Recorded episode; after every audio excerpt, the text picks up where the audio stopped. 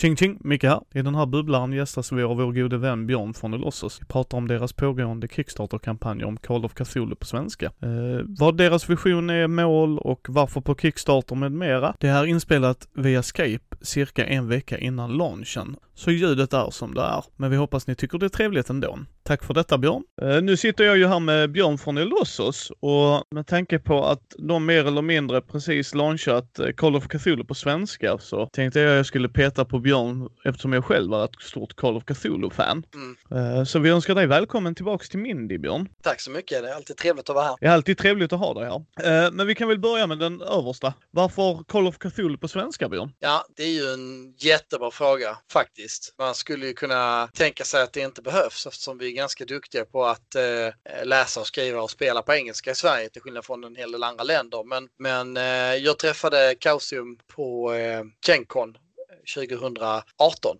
Eh, det har varit en gammal dröm att få ge ut Cthulhu på svenska och så pratade vi och eh, jag förklarade läget att eh, jag vill gärna göra det här men då måste vi göra någonting som är unikt. Vi kan inte bara översätta reglerna.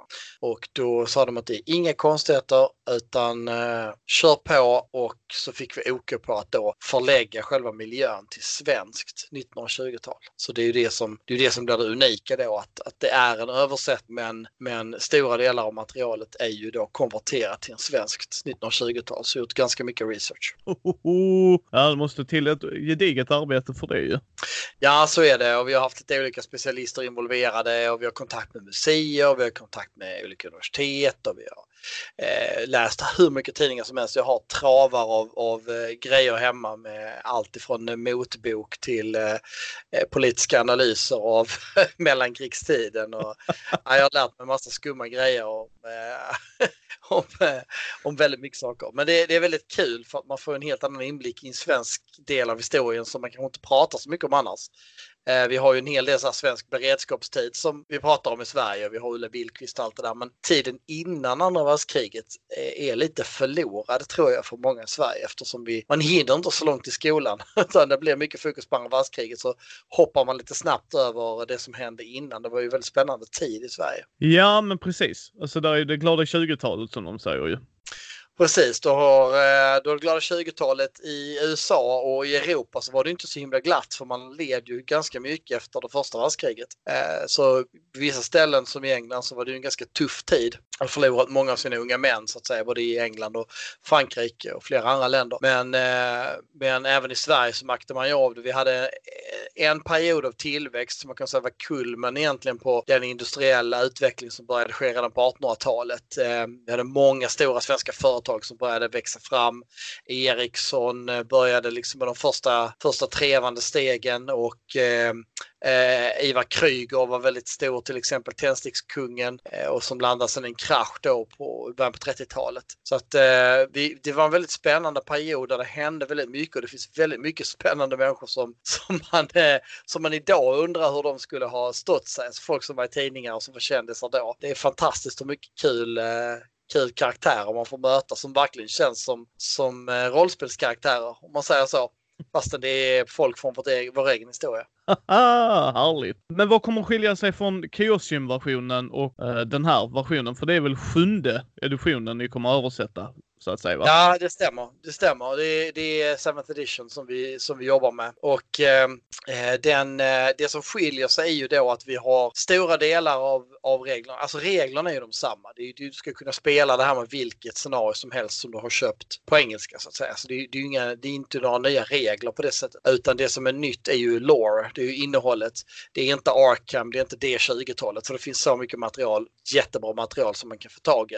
Utan det är ett fokus på svenskt 1920-tal från perioden då egentligen kan man säga från 1919 då fram till 1933 ungefär någonstans där som, som vi har tittat på. Och det innebär att eh, i böckerna så finns det ju ganska många kapitel som behandlar eh, USA under den tiden i originalböckerna. Det finns en period om sällskap i de olika liksom, hemliga kulter som finns under de här perioderna. Det finns karaktärer, det finns mycket historia samlat, det finns vapen, utrustning, färdigheter, yrken.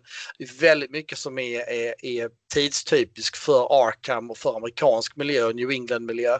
Och den kommer ju då att förflyttas till svensk miljö istället. Och sen eh, gör vi svenska äventyr ovanpå det då.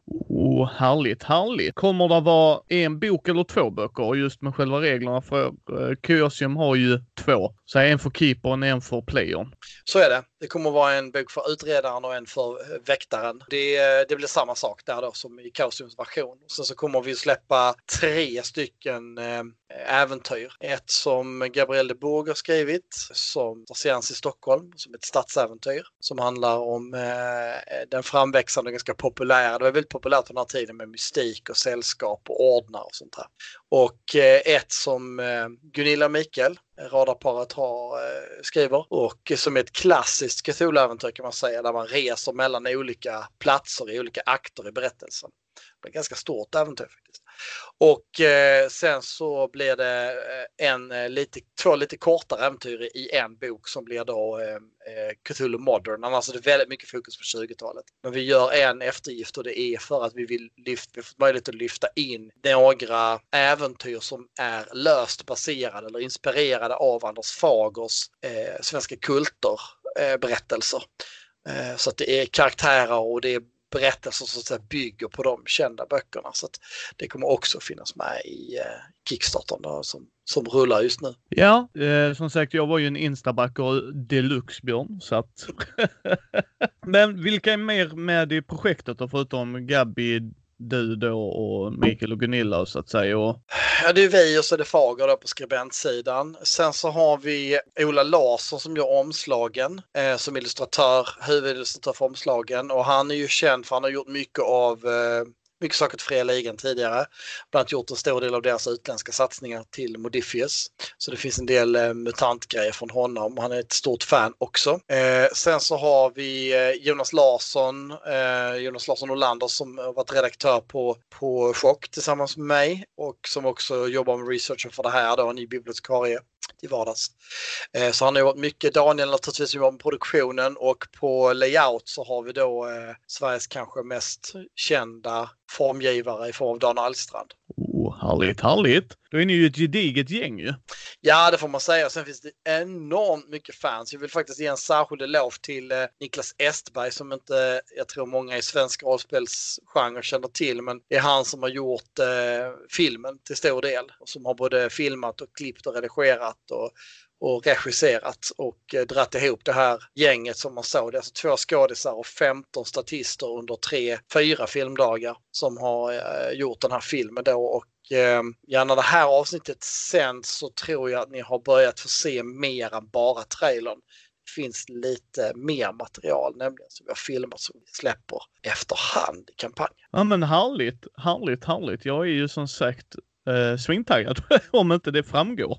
Men varför valde ni Kickstarter? Det är så här att, att eh, en av de, Chaosiums Call of Cthulhu är ett av världens största spel. Jag skulle gissa, och det här är en gissning, jag skulle tro att det är världens andra eller tredje största spel. Alltså du har Dungeons and Dragons och du har Pathfinder, du tittar internationellt, de är svåra slagna. Men sen tror jag nästan att, att Call of Cthulhu är tredje spelet ut på en global arena.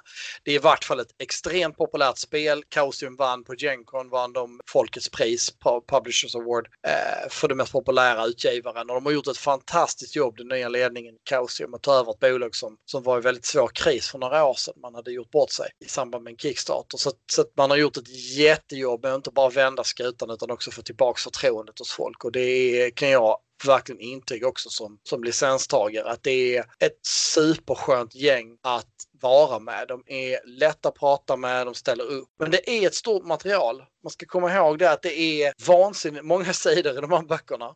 Och de ska översättas. Eh, och där har vi ju hjälp då av eh, Olle Salin och Anders Blixt för att eh, översätta det här. Det är så stort material. Eh, och det, är, det är ett jättejobb och det är ett ganska kostsamt jobb att översätta den typen av massiv mängd text. Och sen är det också så att vi byter ut en stor del av bilderna. Eh, inte alla. Vi kan byta ut fler och fler ju, ju bättre Kickstartern går kan man säga. Så att det, är inte, det, det är en ren ekonomisk fråga.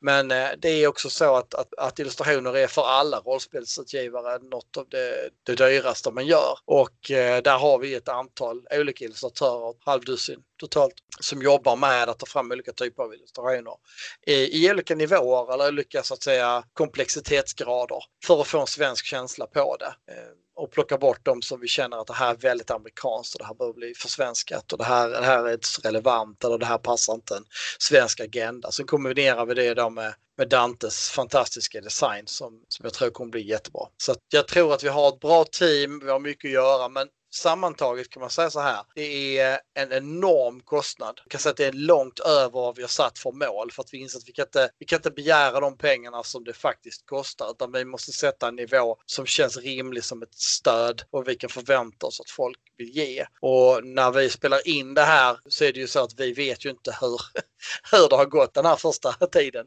Så att eh, det är lite spännande att se, se, se vart det tar vägen. Men jag hoppas det ska gå bra. Jag tror att Cthulhu har en jättestor följarskara i och med att det är något unikt. En utgåva som inte finns att få tag i på något annat sätt. Det är ganska mycket nytt och unikt material som faktiskt finns i de här böckerna också. Så jag hoppas att alla Cthulhu-fans i Sverige ska vilja stötta det här projektet eh, för att spela i Sverige eller för att, eh, för att stötta det för att man tycker att det är ett bra projekt att det finns. Det hoppas jag också. Som sagt, jag, eh, jag gillar ju Call of Cthulhu som Sören. Det är ju ett av mina favoritrollspel rakt av.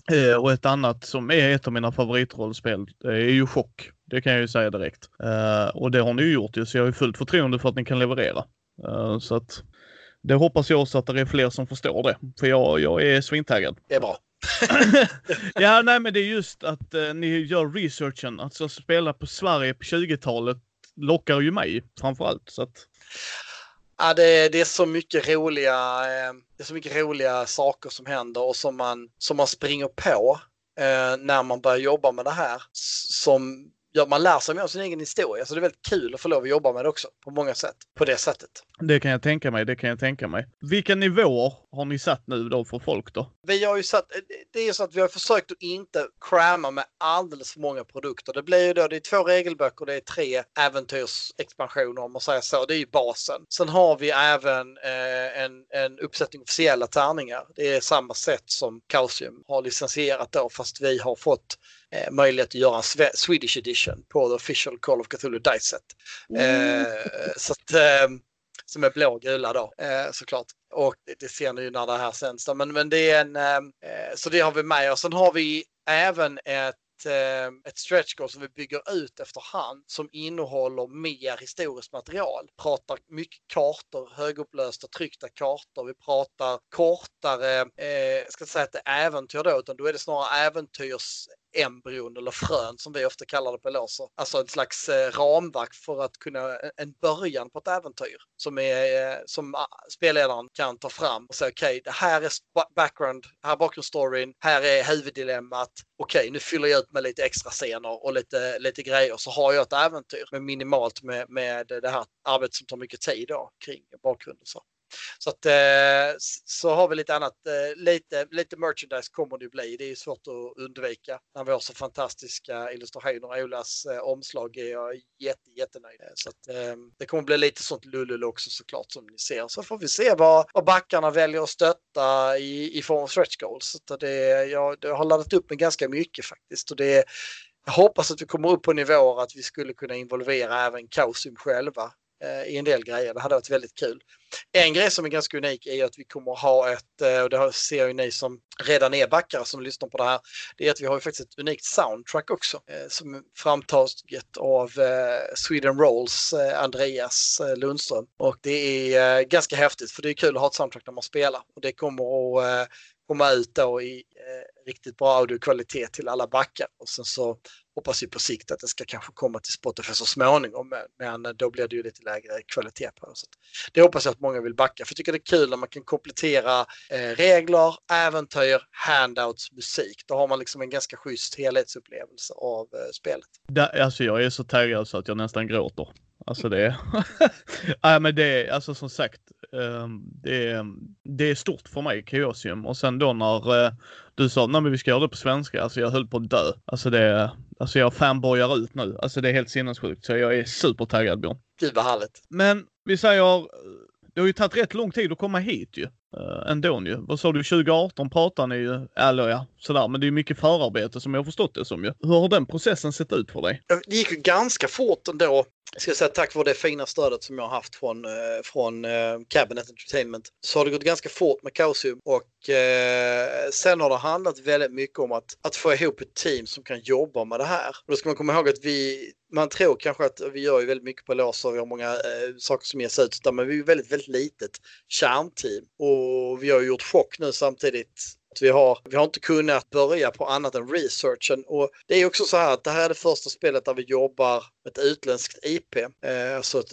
ett varumärke som inte är vårt som som är globalt redan från början. Vi har ju ett globalt IP som är svenskt från början och det är ju Handbok Superhjältar då. Men, men eh, Kaosium har ju ett arv som går ganska långt tillbaka. Vi har ju även deras andra spel, RuneQuest, som då ska komma nästa år. Och det gör att vi, eh, det gör att man måste vara lite försiktig när man tar tag i det här. Bara den här processen med att, att bestämma, ska vi göra det skandinaviska separat eller ska vi integrera det? Hur mycket ska vi ha? Eh, hur ska vi lösa bilderna för att få skandinaviska grejer? Så det där är inte ett enkelt jobb eh, och det har tagit tid och, och jag bara prata. Vi har pratat jättemycket med de polska licenstagarna, med de franska, med de spanska licenstagarna.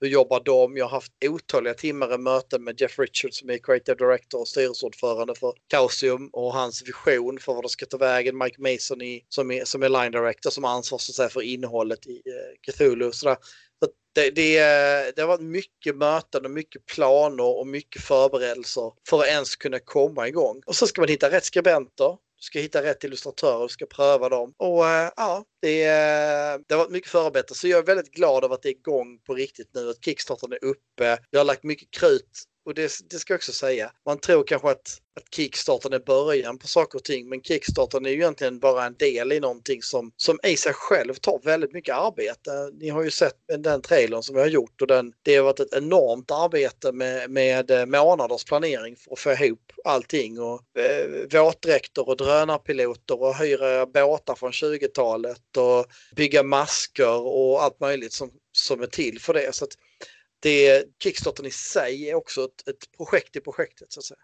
Det, det är det ju absolut och um, nej, så att det, det håller jag helt med och jag fick ju se eh, trailern ju så att den är, den är well done, säger Barbjörn. bara Björn. Well done. Men hur kommer det se ut nu efter Kickstartern då? Vi säger att ni lyckas. Mm. Uh, hur kommer den processen se ut då så att säga? Ja, vi har ju redan, redan sedan ett halvår, drygt halvår tillbaka hållit på med översättningen av de befintliga texterna. Så den ligger ganska bra i fas.